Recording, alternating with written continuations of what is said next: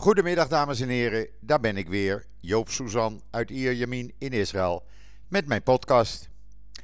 Ja, uh, heel veel nieuws, heel veel nieuws, maar laten we eerst eens even beginnen met het weer. Nou, het is vandaag uh, nog steeds 20 graden, uh, geen blauwe lucht, het is wat bewolkt, maar het is wel lekker, je kan zonder jas naar buiten, maar het gaat veranderen, we krijgen weer pure winter.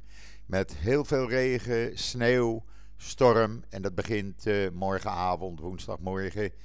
Uh, en dan uh, zou het donderdag op zijn hevig zijn. Inmiddels, het meer van Tiberias loopt lekker vol. Ik weet dat velen van u daar altijd benieuwd naar zijn, merk ik op Twitter. nog een 96 centimeter en dan is het vol.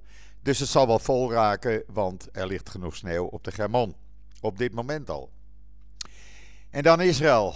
Ja, uh, u heeft de rellen gehad in Nederland, zag ik. Maar wij hebben ze ook gehad in uh, Benai Barak, in Jeruzalem, in Bet Shemesh. Uh, Benai Barak liep het volledig uit de hand. U kunt het zien en lezen. De video's staan erbij op JoodsNL.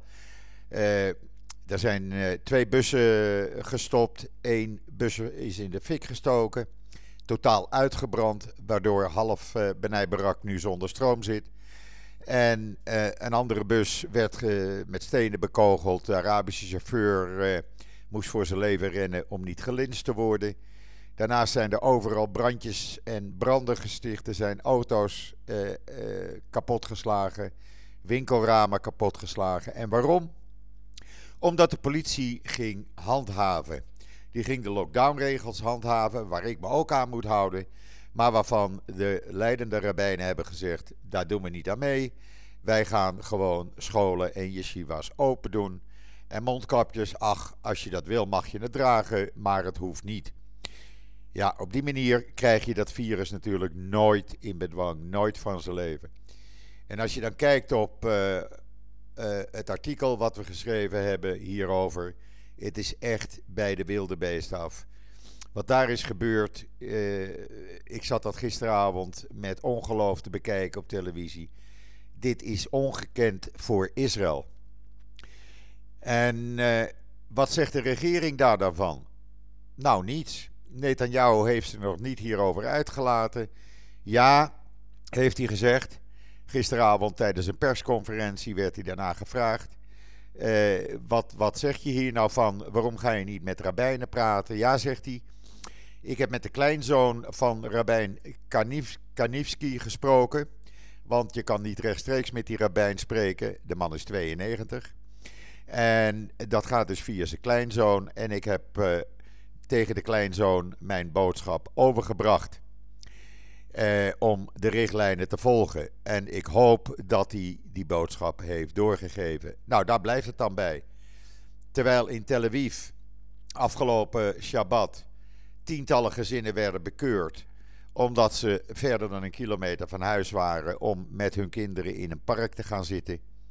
Uh, in de ultra-orthodoxe gemeenschap allerlei zaken waar, ja, uh, die zich nergens aan houden. En dat kan gewoon niet. Wij moeten ons allemaal, allemaal aan de regels houden. En als je dat niet doet, dan word je bekeurd. En daar doet iedereen maar wat ze willen. In Jeruzalem uh, is de light rail beschadigd. Die kan voor het grootste gedeelte niet rijden. Er is cement in de rails uh, gespoten. Uh, men heeft tramstellen beschadigd, ramen ingeslagen, met zwarte verf besmeurd. Men heeft kaartautomaten vernield. In Bet gisteravond was een grote bruiloft met honderden aanwezigen, wat niet toegestaan is. Die werd gestopt, daar kwamen rellen uit voort met de politie. En zo gaat het iedere dag opnieuw door. En dit kan gewoon niet. En de regering doet hier, helaas moet ik zeggen, niets tegen.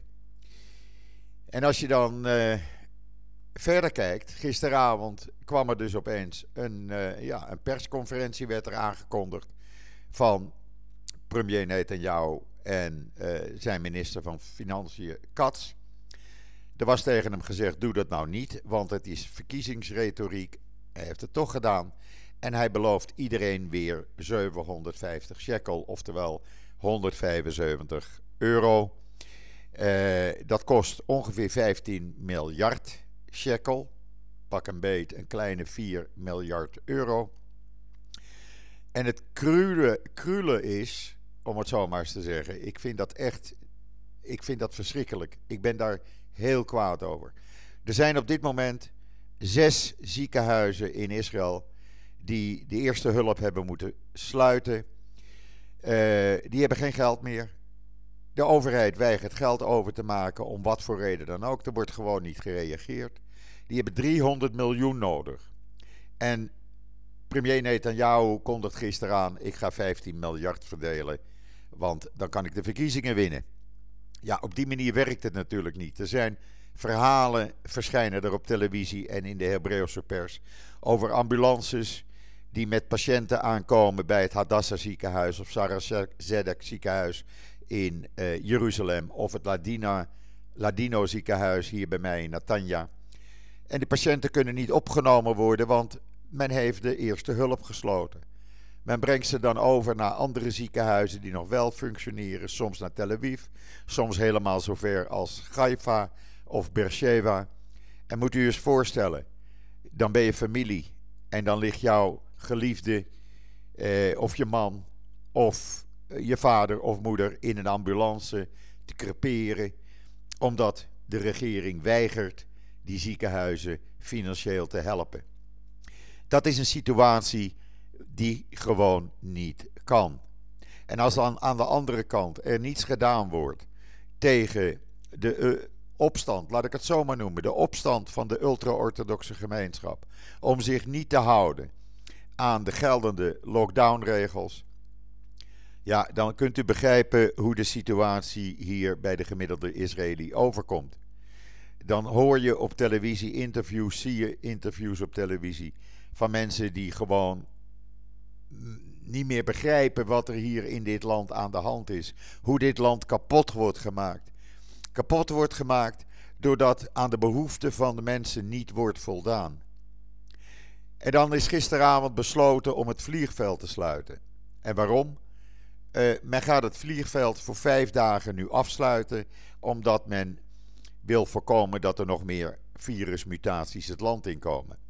Daar heb ik best begrip voor.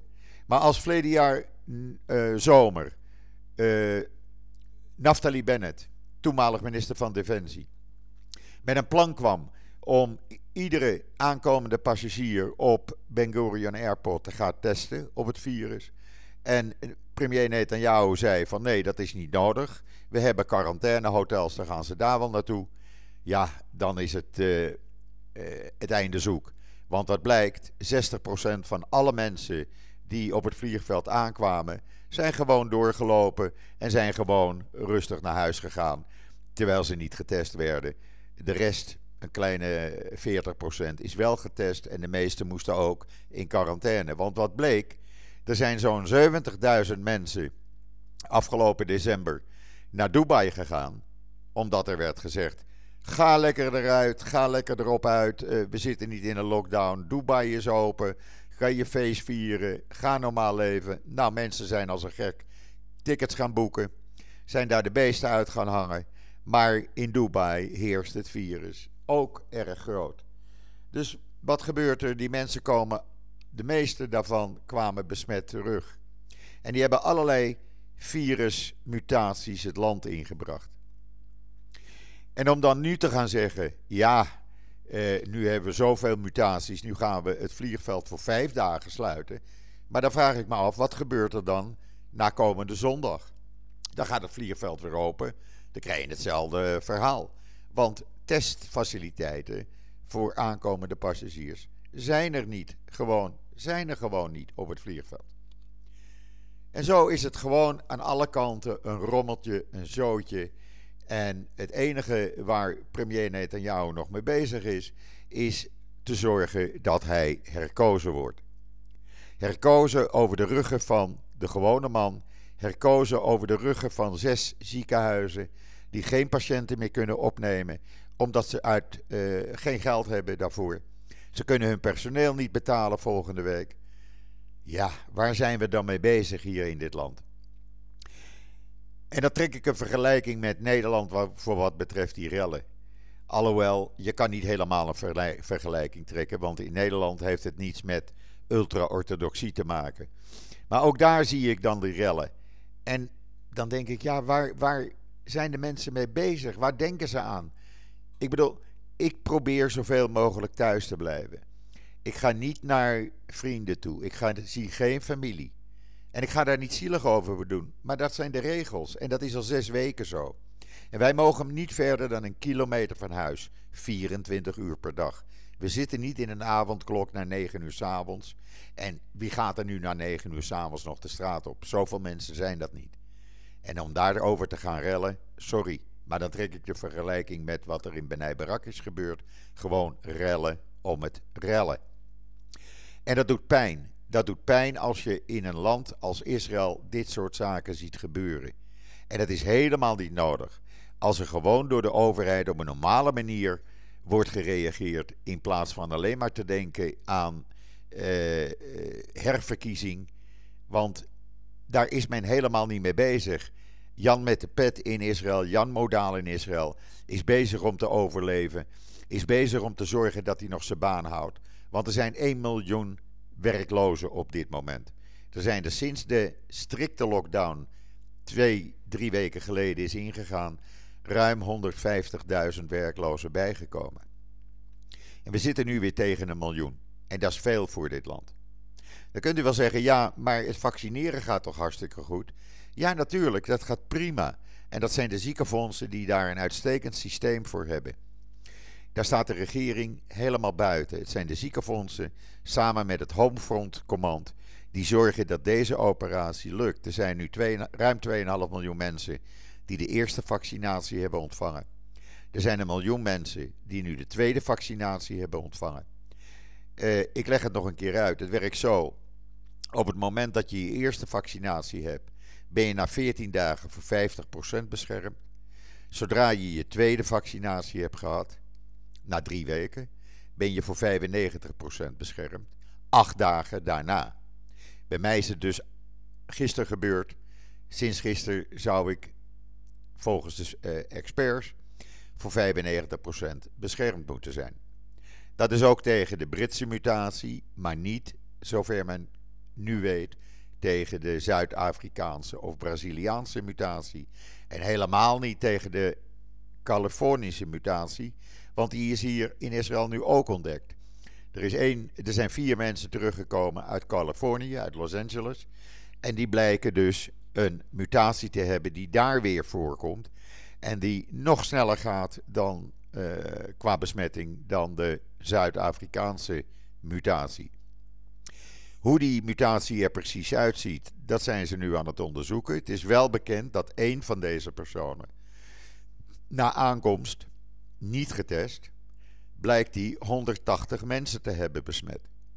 Nou, die hebben natuurlijk weer andere besmet, ja, en zo blijven die besmettingen ook hoog in Israël. En waar iedereen nu bezorgd over is, is dat er steeds meer kinderen nu besmet raken. Er liggen nu op dit moment ruim 51.000 kinderen in het ziekenhuis. U kunt het lezen op joods.nl. Uh, sorry, die liggen niet in het ziekenhuis, die zijn besmet met het coronavirus. Uh, daarvan liggen er, uh, dat zijn kinderen tussen de 2 jaar en 18 jaar. Daarvan liggen er 138 in het ziekenhuis, van wie 9 in een ernstige of zelfs kritieke toestand verkeren. En dit is voor het eerst sinds het coronavirus in Israël opdook, dus tien maanden geleden in maart verleden jaar, dat er kinderen, zoveel kinderen besmet zijn. En dat loopt maar op. En men kan die kinderen nog niet inenten, omdat uh, het Pfizer-vaccin uh, daar nog niet op getest is. Ook de andere vaccins trouwens niet. Dus hoe dit nou weer gaat aflopen, weet niemand. Alleen zeggen de gezondheidsfunctionarissen. We hebben er eigenlijk geen verklaring voor. En we denken dat het dus komt door alle mutaties waardoor uh, de besmettingen zo toenemen onder kinderen. Want uh, berichten uit Engeland die wijzen op hetzelfde. Ook daar zijn heel veel kinderen besmet of raken besmet. En dat komt omdat die Britse variant, dat weet men nu zeker, veel makkelijker besmettingen uh, rond laat gaan dan de originele uh, coronavirus. Wat betreft die Zuid-Afrikaanse variant, uh, daar is men nog onderzoek naar aan het plegen. De Californische uh, variant, zei ik u, daar is men nu ook mee bezig, maar men heeft daar geen oplossing voor. Men denkt zelfs dat het Pfizer-vaccin daar niet tegen werkt. Nou, dat zou dan lekker zijn. Waarom hebben we ons dan laten inenten, zou je zeggen? Helemaal omdat ik gisteren verschillende Nederlanders die mij belden, die hier in Israël wonen, en die vroegen van Joop, voel jij niet in de maling genomen? En waarom, zult u vragen? Nou, heel simpel. Er werd gezegd, als je na je tweede vaccinatie krijg je een groen paspoort. Dan kan je gaan reizen. En hoef je bij terugkomst niet in quarantaine. Wat heeft men nu gezegd? Uh, iedereen die uh, twee keer gevaccineerd is, moet ook in quarantaine zodra ze uit uh, het buitenland terugkomen. Ja, wat heeft het dan voor nut? Dan heb je helemaal geen voordelen dus aan die vaccinatie. Het enige voordeel is dat je voor 95% beschermd bent tegen het originele virus. En niet tegen alle mutaties die er nu komen. Men is ook bang, dat zei de militaire taskforce, die zich met onderzoek naar de coronavirusmutaties bezighoudt. Die zei van, we wachten eigenlijk op het moment dat er een Israëlische variant komt. En dat zou een combinatie kunnen zijn van de Zuid-Afrikaanse, Braziliaanse en Californische variant. En als die er is, nou, hebben ze gezegd, dan kan iedereen zijn of haar borst nat maken, want dan hebben we gewoon geen oplossing meer. En dat is de situatie in Israël. Het is, het is gewoon om te huilen, het is om te janken. En als je echt gisteravond, nogmaals, ik kan er gewoon niet over uit. Je ziet rellen, rellen in Israël die nooit op deze, in deze hevigheid zijn voortgekomen. En de regering houdt zijn mond. En de politie moet het opknappen. En de ultra-orthodoxe burgemeesters zeggen: het is de politie die het doet, want die slaan er maar op los. En de politie zegt: luister, iedereen moet zich aan de lockdownregels houden. Dus jullie ook. En als je je daar niet mee eens bent, dan hoef je niet te gaan rellen. Je krijgt een bekeuring, besturen je naar huis, we sluiten de scholen en dan moet je ze niet opnieuw opengooien. Maar goed, dat gebeurt dus elke keer. Vanmorgen in Asdod, uh, de yeshiva's die gisteren gesloten waren, zijn vanmorgen weer vrolijk open gegaan. Ook daar zijn nu rellen aan de gang. En we zullen vanavond weer op televisie weer uh, uh, allerlei gevechten tussen politie en ultra-orthodoxe jongelui zien. En dat is gewoon erg. Het is erg om te zien. Nogmaals, uh, we zijn er niet aan gewend hier. gebeuren er dan geen leuke dingen? Ja, er gebeuren gelukkig ook nog goede dingen in Israël. Bijvoorbeeld een initiatief waarbij ouderen en holocaust-overlevenden gratis geholpen worden bij noodreparaties. Dat zijn vrijwilligers. Het is een organisatie die heet Tenufa Bakehela. Uh, die komen met een, uh, ja, als je als uh,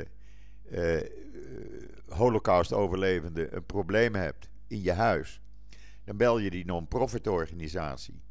En die komen dan gratis een noodreparatie aan je huis verrichten. Eh, het water repareren, de afvoer repareren, behangen, defecte elektriciteitssystemen eh, repareren. Of zorgen dat mensen verwarming hebben. Want er zijn duizenden, duizenden holocaust-overlevenden die geen geld hebben om de verwarming aan te zetten. Die een keus moeten maken tussen één keer per dag een hapje eten eh, of de verwarming aanzetten. En dan zult u vragen, ja, maar die mensen worden toch geholpen door de regering? Nee, nee, helaas. Die mensen zijn afhankelijk van allerlei non-profit organisaties. Omdat die schijnbaar niet belangrijk zijn voor de verkiezingen. Dus er wordt geen hand naar uitgestoken. Er wordt geen extra geld beschikbaar gesteld om deze mensen te helpen. En elk jaar in de winter horen we dezelfde verhalen. Dezelfde verhalen van mensen, holocaust-overlevenden, die 80, 90, zelfs 100 jaar oud zijn, die in een armoedig huisje wonen, zonder verwarming. En die afhankelijk zijn van hulp van anderen om te kunnen overleven. En daar hebben ze dan de Holocaust voor overleefd.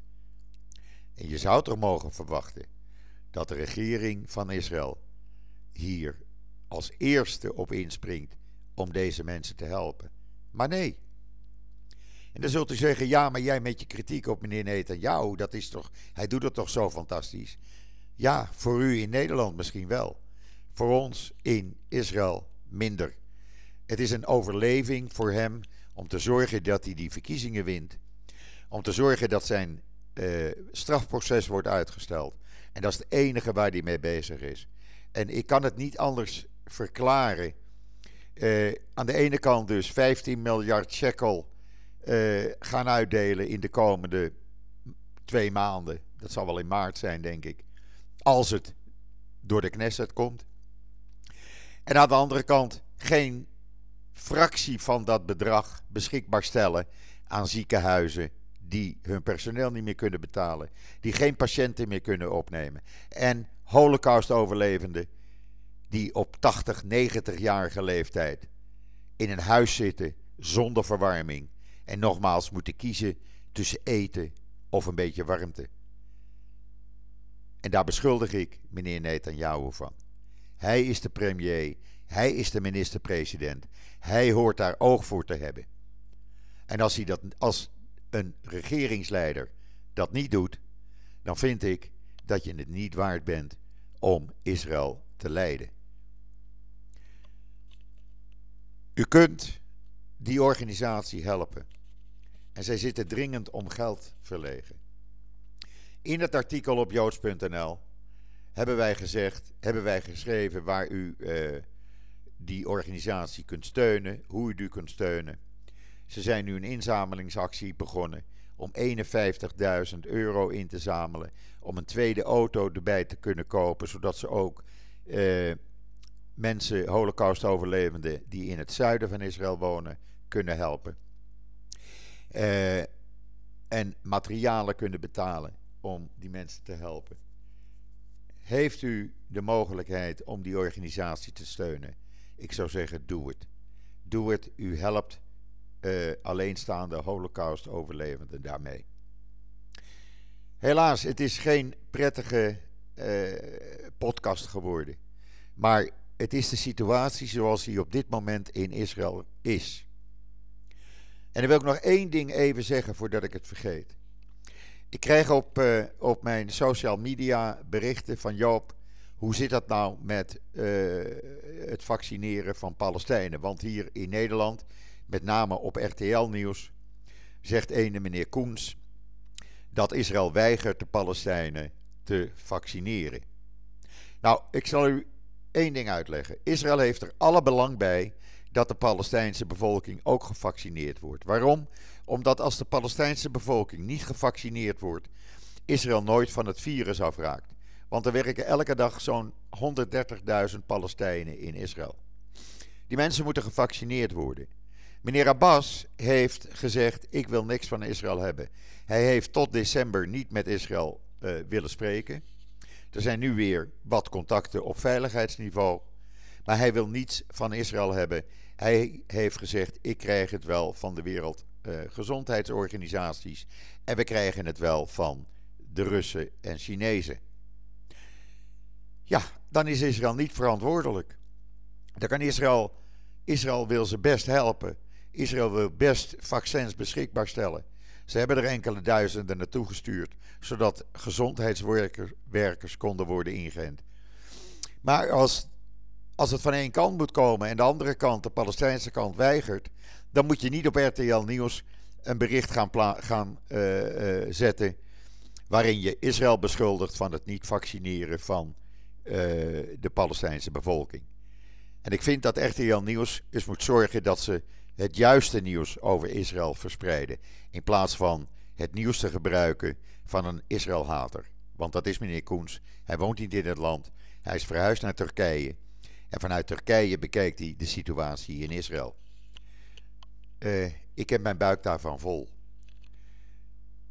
U kunt uh, natuurlijk uh, Ik heb dat vanmorgen ook gedaan. RTL Nieuws daarop aanspreken. Of het helpt, ik weet het niet. Goed, ik heb gezegd wat ik uh, wilde zeggen tegen u. Uh, nogmaals, ik hoop dat ik de volgende podcast wat vrolijker kan, uh, kan maken. maar dit is wat het is. It is what it is, zoals ze in het Engels zeggen. En ik kan het niet mooier maken als dat het is. Hou JoodsNL in de gaten, daar vindt u het laatste nieuws over Israël, zoals het werkelijk gebeurt. En voor de rest wens ik u nog een hele fijne voortzetting van deze dag. Hou het veilig. Ga niet rellen. En wat mij betreft, ik ben de donderdag weer en zeg ik tot ziens, tot donderdag.